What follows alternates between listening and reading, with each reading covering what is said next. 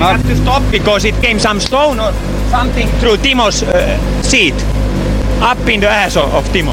We, we just hit the slide the, the bank, rear, rear wheel to the bank and just poof. You're the best in the world! Okay, that's rally.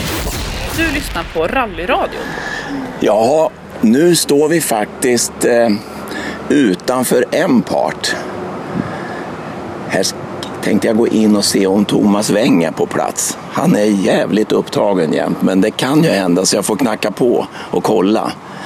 Jag går ju först och främst till grannar naturligtvis, eh, som jag har och känner. Men sen får det väl bli... Jag tänkte jag ska prata med lite yngre människor också.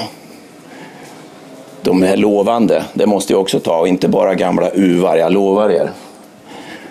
Så vi går runt här i kontorslokalerna. Jag blev insläppt i alla fall, nu ska vi se. Och så kommer vi ut på verkstaden, här hänger det bilar högt och lågt. Gula, röda och vita och jävla massa bilar. Vi ser om vi hittar Thomas någonstans här. Här borta står han. Hej Thomas! Hej! Och här står du framför någon nybygge ser det ut att vara. Va? Det står en lös motor här, bara ilyft sådär. Nej, han sitter på plats. Han sitter på plats där. Jävlar vad slätt golv det var under. Det är nybygge. Ja. Och det här, ja det ser nu, det är plast. Fan, skärmar ja. Ja. Ja. Du, det här är ju jävligt spännande. Vi har alltså en svensk racerbilsfabrik. Nej, inte racerbil, rallybilsfabrik. Ja. Ja, och det är granne med mig alltså. Jag som håller på med mina gamla sucker i min verkstad. Och här är ju jag aldrig i princip. Jo, jag har varit här ett par, tre gånger. Så jag vet ju hur det är med folk som springer och sparkar på däck och skär tid. Nu tänkte jag stjäla tid utav dig. Så där ja. Har du tid? Ja. Fan, jag måste ju känna dig på pulsen. Kan vi inte gå och sätta oss någonstans? Kan vi. Ja, det gör vi. Men det var fan vad mycket grejer det var här. Det är mycket på G. Servare och så. Nu går, vi, nu går jag efter Thomas här in på hans kontor. Tror jag, eller om vi ska sitta i soffan här. Vi kan sitta i soffan här, ja. ja. Jag håller den här telefonen så hoppas vi att det blir något ljud. Jo, men det syns ju att vi pratar. Ja. Du, jag, jag har ju mött dig vid någon lunch här och frågat om jag fick komma hit och du har ju så jäkla mycket att göra. Vad är det som står närmast på nu som det surrar mest om kring dig och, och verksamheten här? Ja, det är ju... Framförallt är det ju så att vi försöker att- etablera eh, bra möjligheter i Asien. Eh, så planen är att vi ska åka till, eh, till Asien och åka lite rally där i, i höst. Det är inte spikat exakt vilken tävling det blir men, men vi ska sätta Ketoma i, i, som chaufför i en japansk tävling. Så att, eh, och det är ett fantastiskt intresse i Asien. Det är klart, det är ju en, en japansk bil och sådär. De känner kanske rätt mycket för sånt, eller hur? Så är det ju naturligtvis. Det är likadant Thailand. Bilen tillverkas ju i Thailand och, och där är det också ett jätteintresse, särskilt från fabrikens sida där. Så att vi ska se vad vi kan hitta på. Du, det här är så fränt alltså alltihopa. Det har ju varit mycket snack och många pratar runt omkring dig, eh, Thomas. Och det är så kul att få, få surra med dig direkt lite grann. Vad, hur, hur kom du in på rallysporten överhuvudtaget? Det här är ju liksom, bortsett från att du är värmlänning. Har det med bror din att göra eller?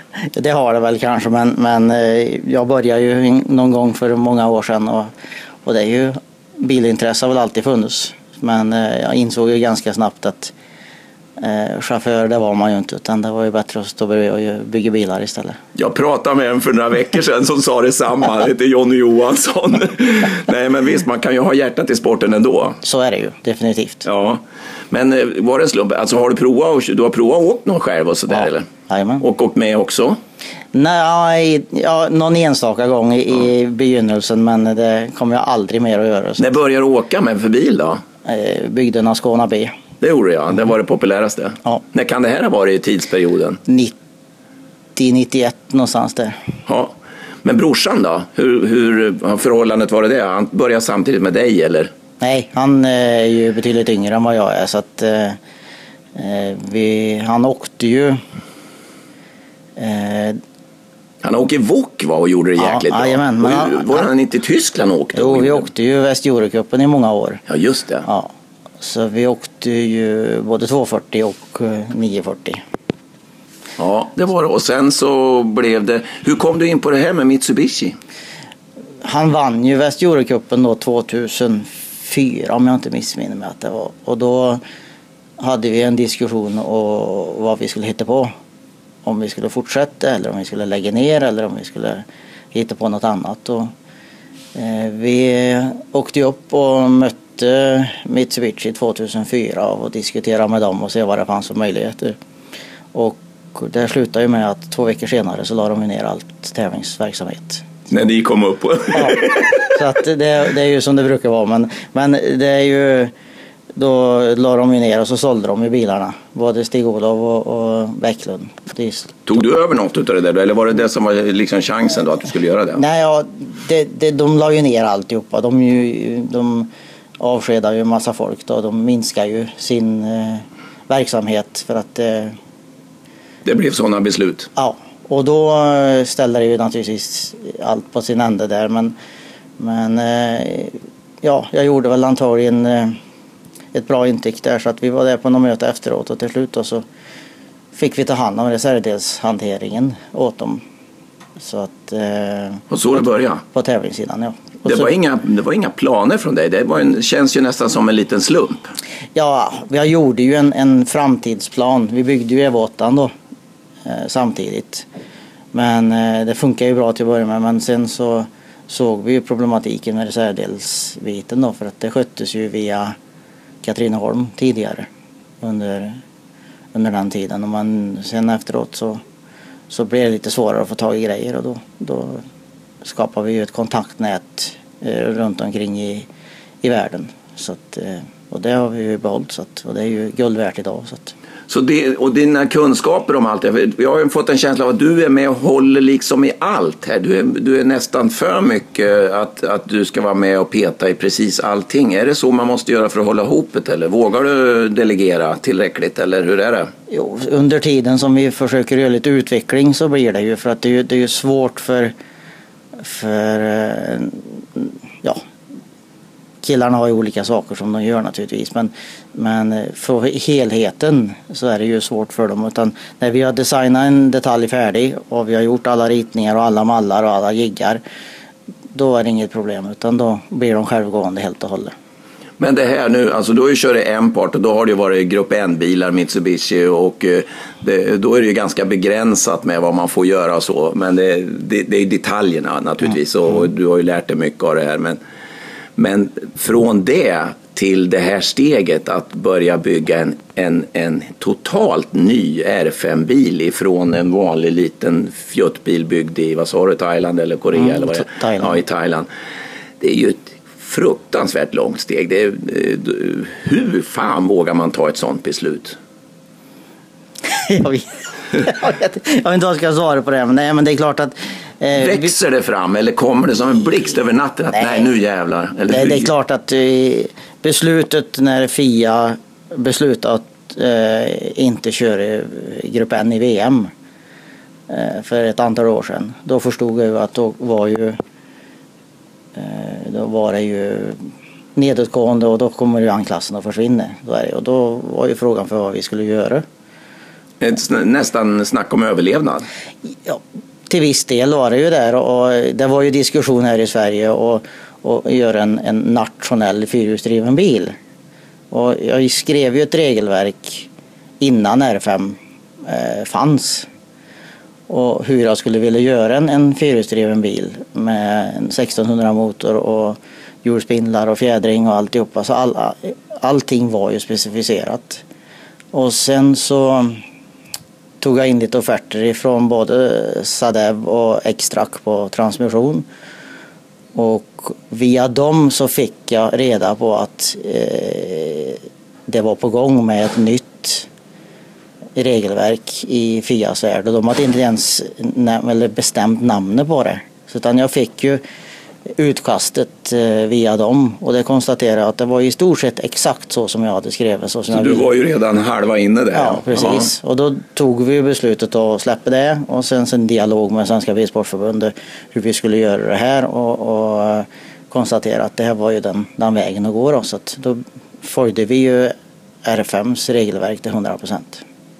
Men det har gått en tid nu sedan första bilen ko- kom på hjulen. Tiden går ju fort numera. Mm. Eh, hur länge har den funnits nu? Två år eller tre år? Eh, Två år. Mm. Två år är det nu ja. ja. Men haken, det, vad, man förstår, det är ju det här med homologeringen internationellt. Eh, Mm. Nu är den ju homologerad i Sverige och du kan hålla på och utveckla här i samarbete med förbund och med FIA förstår jag med regler och grejer. Mm. Och det, eftersom det var en ny klass så var det väl rätt mycket ändringar i början va? Ja, det var det. Det var ju regelverket spikade ju inte egentligen förrän eh, Malcolm körde sin första bil i Finland. Det var då med Kettoma som chaufför. Då spikas ju regelverket. Före det så var det ju massor med olika utkast fram och tillbaka. Så att, eh, och det var ju bland annat därför som eh, eh, vi gjorde en bil med tigsetsad bur. För det stod ju aldrig i, i begynnelsen att det inte skulle vara tillåtet att svetsa med tig utan det skulle bara vara med mig. Så att vi gjorde ju så som vi ju alltid har gjort med en Grupp M-bil. Och vi trodde ju aldrig att det skulle vara något som är sämre än det. Nej, Nej, nej. Men eh, så blir det ju alla Det är så med Ja. regler när de kommer. Ja, Ja. just det, när man är före sin tid. Det har vi ju märkt andra som har bitit sig tummen på också. Precis, så Ja. att, eh, därför så blir det ju så. Då. Men den, den bilen är på väg till USA nu. Så att, Men du, är det, inte, det, här, är det, måste vara jobbigt det här just med klassen. Att, att Mitsubishi helt plötsligt då tog någon slags koncernbeslut och att eh, nu är inte rally lika roligt längre. Och sen, jag var ju med på 1800-talet när Saab la locket på när man stod och skulle, jag skulle få mitt livs första fabrikskontrakt. Jag skulle få åka ihop med Stig Blomqvist. Jag och Stig ihop i ett team. Vilket drömläge. Och sen sa det pang bara. Och eh, jag vet inte om det berodde på det. En anledning var ju vet, att Mercedes la ju ner samtidigt som Saab, eller om Saab la ner samtidigt som Mercedes. Och det var ju så att Mercedes hade ju kontaktat Walter Röhl. Han skulle åka Merca, de där stora med svarta motorhuvarna, Ja, ja. Och Walter Röhl var ju ute och provade en sån där bil. Och sen kom han tillbaka och sa det här går ju för fan inte att åka rally med. Och då la ju de i stort sett ner tack vare att Walter sa att det går inte. Och om Saab hängde på då eller inte vet jag, eller om de var influerade utav det här med golf och tennis, för det var ju inne på den här tiden, det vet jag inte. Men Eh, alltså, när de drar ner gardin så där, och det måste ju vara svårt nu för dig att kämpa med. Det, det, det är ju inte, du har ju inte fått någon hjälp på det viset. nej, och jag har inte aktivt sökt hjälp via Mitsubishis kanaler egentligen heller. För många vet ju vad som hände, varför de la ner VRC och varför de la ner Öken. Ja, men det är klart att i det läget kom ju det beslutet att eh, ingen motorsport i Mitsubishis värld, det, var ju, det ska ju enbart vara med ja, antingen hybrid eller el. Okej, det är där de är. Ja, Mm. Så att det ska vara på det viset. Men eh, vi, vi har ju mycket kontakter med dem ändå så att vi, vi får eh, fortsätta och se vad vi kan hitta på i slutändan. Samtidigt är det som så att den nationella världen är ju en enorm stor värld.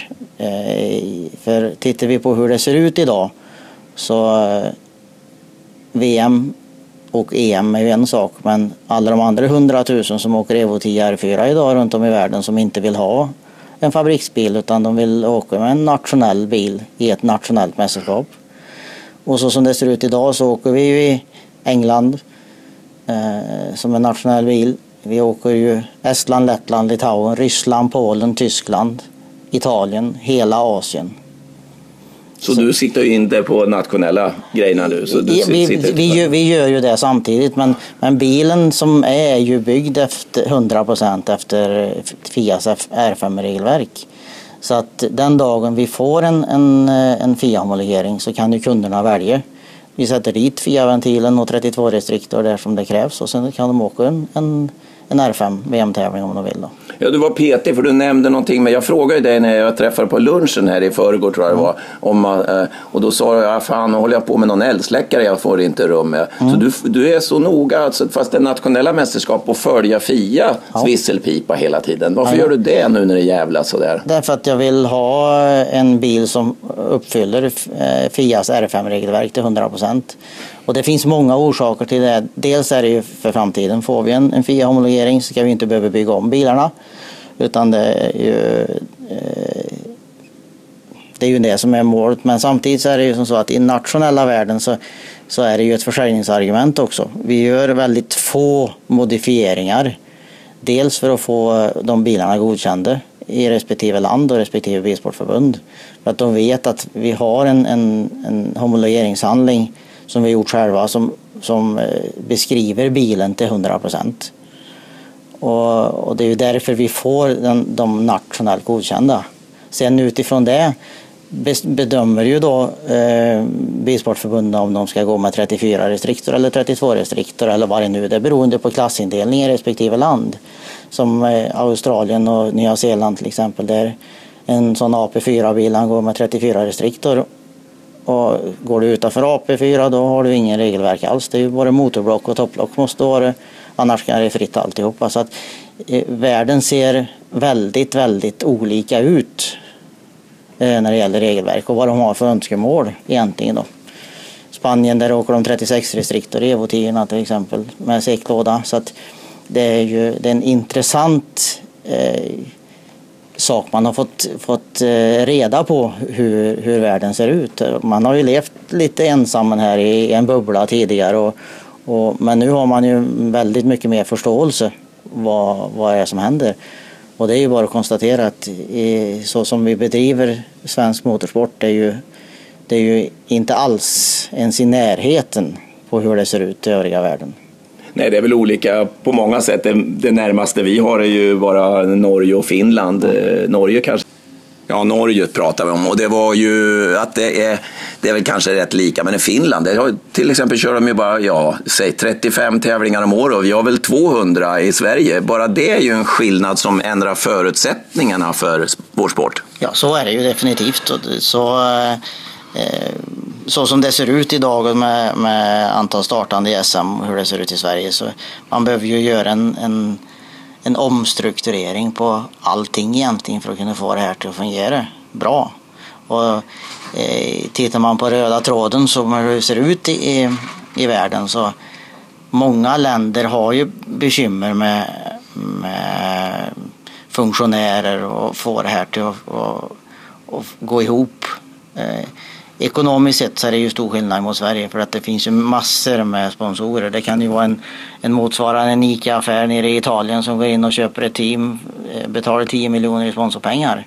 Det skulle ju aldrig ske här men, men så funkar det här och sponsorerna köper ju chaufförerna och, och även då hyr bilarna åt chaufförerna. Så att, eh, eh då är det svårt, eh, och liksom, och när förutsättningarna är så olika, då måste vi nästan ibland också inse att det kommer att bli skillnader. Vi kan inte bli lika, eller hur ska man, hur ska man tackla det? Så är det och det kommer, det kommer att vara annorlunda i, i framtiden definitivt. Utan det är ju, framförallt så är det ju viktigt att försöka ta hand om det vi har. För att det finns ju en, en, en gedigen motorsportgrund runt omkring i Sverige som vi måste försöka ta hand om på rätt sätt. Och eh, jag tycker nog att eh, eh, så som det verkar idag så eh, de lokala DM-tävlingarna de, de ökar ju i antal startande. En dagars tävling ser ut att bli, vara väldigt mer intressant än en två dagars eller tre dagars SM-tävling.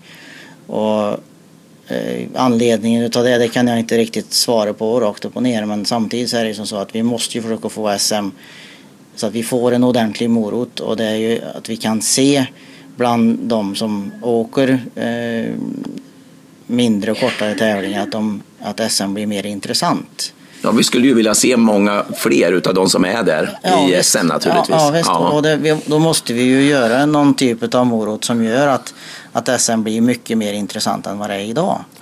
Och det är, det, är väl, det är väl där som debatten är hård nu, hur man ska lösa det. Det ja. finns många tankar om hur man ska göra och det, det finns kanske inte någon enkel patentlösning.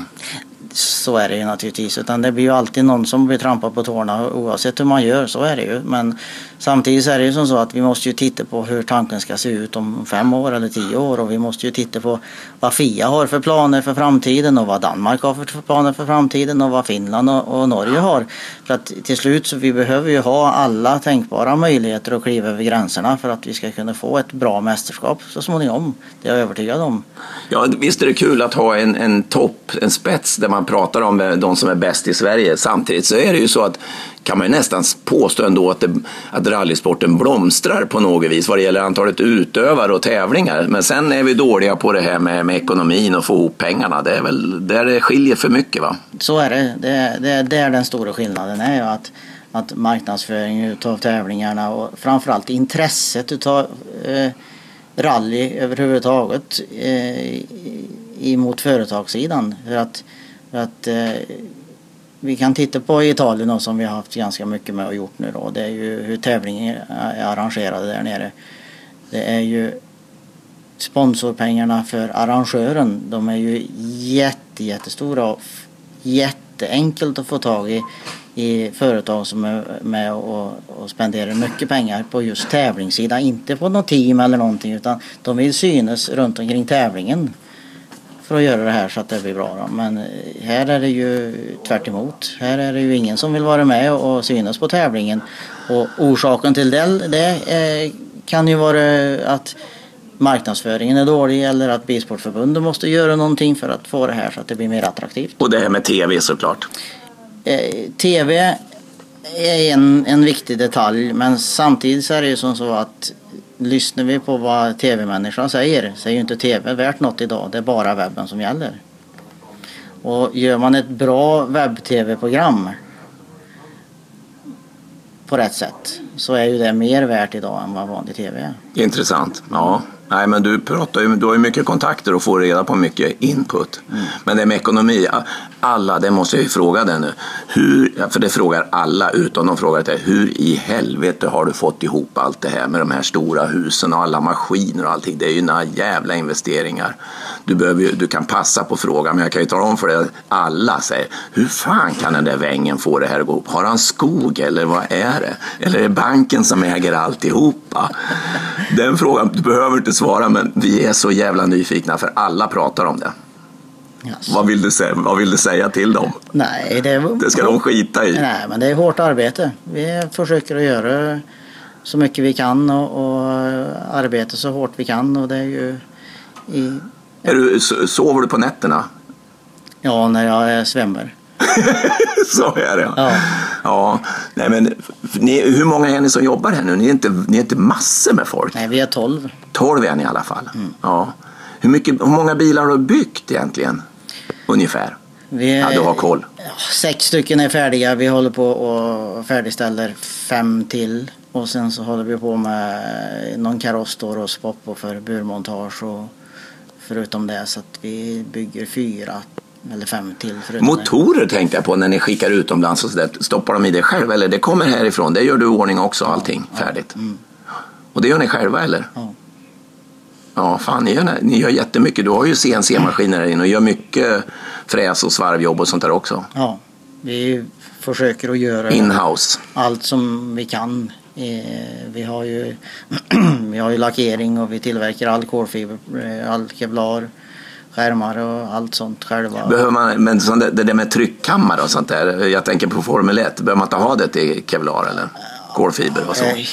Vi använder ju vakuum gör vi ju. Så att, det gör det? Ja, ja vi mm. använder ju vakuumpåsar och kör det i. Så att, ja, det är ungefär samma ja. ja mm. att, eh, det är ju hållbarhetsmässigt sett om du ska tillverka en konstruktionsdetalj då behöver du ju ha en, ja. en autoklav naturligtvis. Då, men, men inte för skärmar och sånt? Nej, nej. nej. det. Och det går det åt? Ja. Det går åt. Förstår jag. Ja, det går åt in i helsike med grejer. Ja, det förstår jag. Ja.